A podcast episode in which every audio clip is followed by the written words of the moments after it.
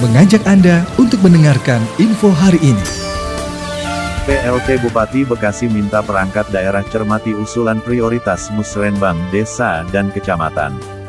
Cikarang Pusat, PLT Bupati Bekasi Ahmad Marjuki membuka secara resmi acara Forum Perangkat Daerah dalam rangka penyusunan Rencana Kerja Pemerintah Daerah RKPD tahun 2023 yang berlangsung melalui Zoom Meeting di Comment Center Diskominfo Santik Kabupaten Bekasi, pada Rabu, tanggal 2 Maret tahun 2022. Dalam sambutannya, Ahmad Marjuki meminta seluruh perangkat daerah mencermati berbagai usulan prioritas yang disampaikan pada musrenbang desa dan kecamatan yang sudah dilaksanakan.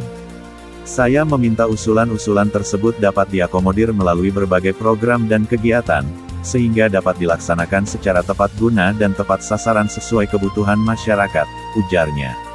Pit Bupati Bekasi juga meminta kepada Sekretaris Daerah Sekda Kabupaten Bekasi beserta tim anggaran pemerintah daerah, agar melakukan penelaahan terhadap usulan program dan kegiatan perangkat daerah, sehingga alokasi pendanaan daerah yang terbatas dapat didistribusikan secara tepat guna dan tepat sasaran. Saya berharap hasil dan kesimpulan dari forum perangkat daerah ini dapat disampaikan pada acara penutupan, khususnya terkait proyek strategis daerah dan program prioritas daerah yang akan dilaksanakan pada tahun 2023, terangnya.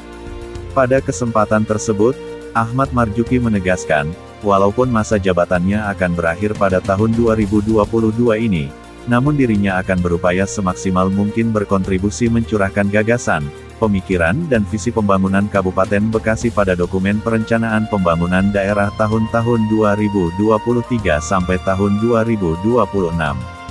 Hal ini sebagai upaya untuk menghadirkan berbagai perubahan dan perbaikan yang dapat dirasakan langsung manfaatnya bagi masyarakat Kabupaten Bekasi, tandasnya.